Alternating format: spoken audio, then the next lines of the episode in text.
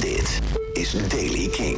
In het midden en zuiden kan vanmiddag en vanavond een bui ontstaan. Voor de rest droog, zonnig en warm tot zeer warm. 22 graden op de warm tot 30 in het zuiden. Nieuws over Ramstein en Blur. Dit is de Daily King van vrijdag 9 juni. Michiel Veenstra. Til Lindeman van Ramstein, die door meerdere vrouwen wordt beschuldigd van seksueel wangedrag, slaat terug. Zijn advocaten hebben via Twitter laten weten dat ze juridische stappen zullen ondernemen tegen degene die beschuldigingen hebben geuit.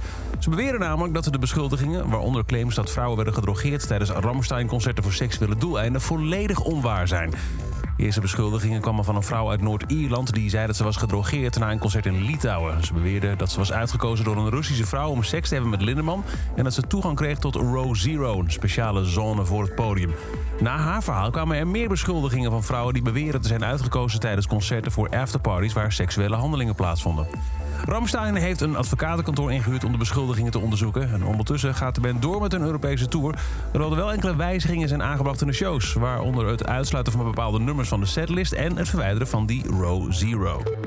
Gisteravond kondigde Blur aan dat ze een gratis concert geven in Madrid... nadat een optreden op Primavera Sound Madrid was geannuleerd.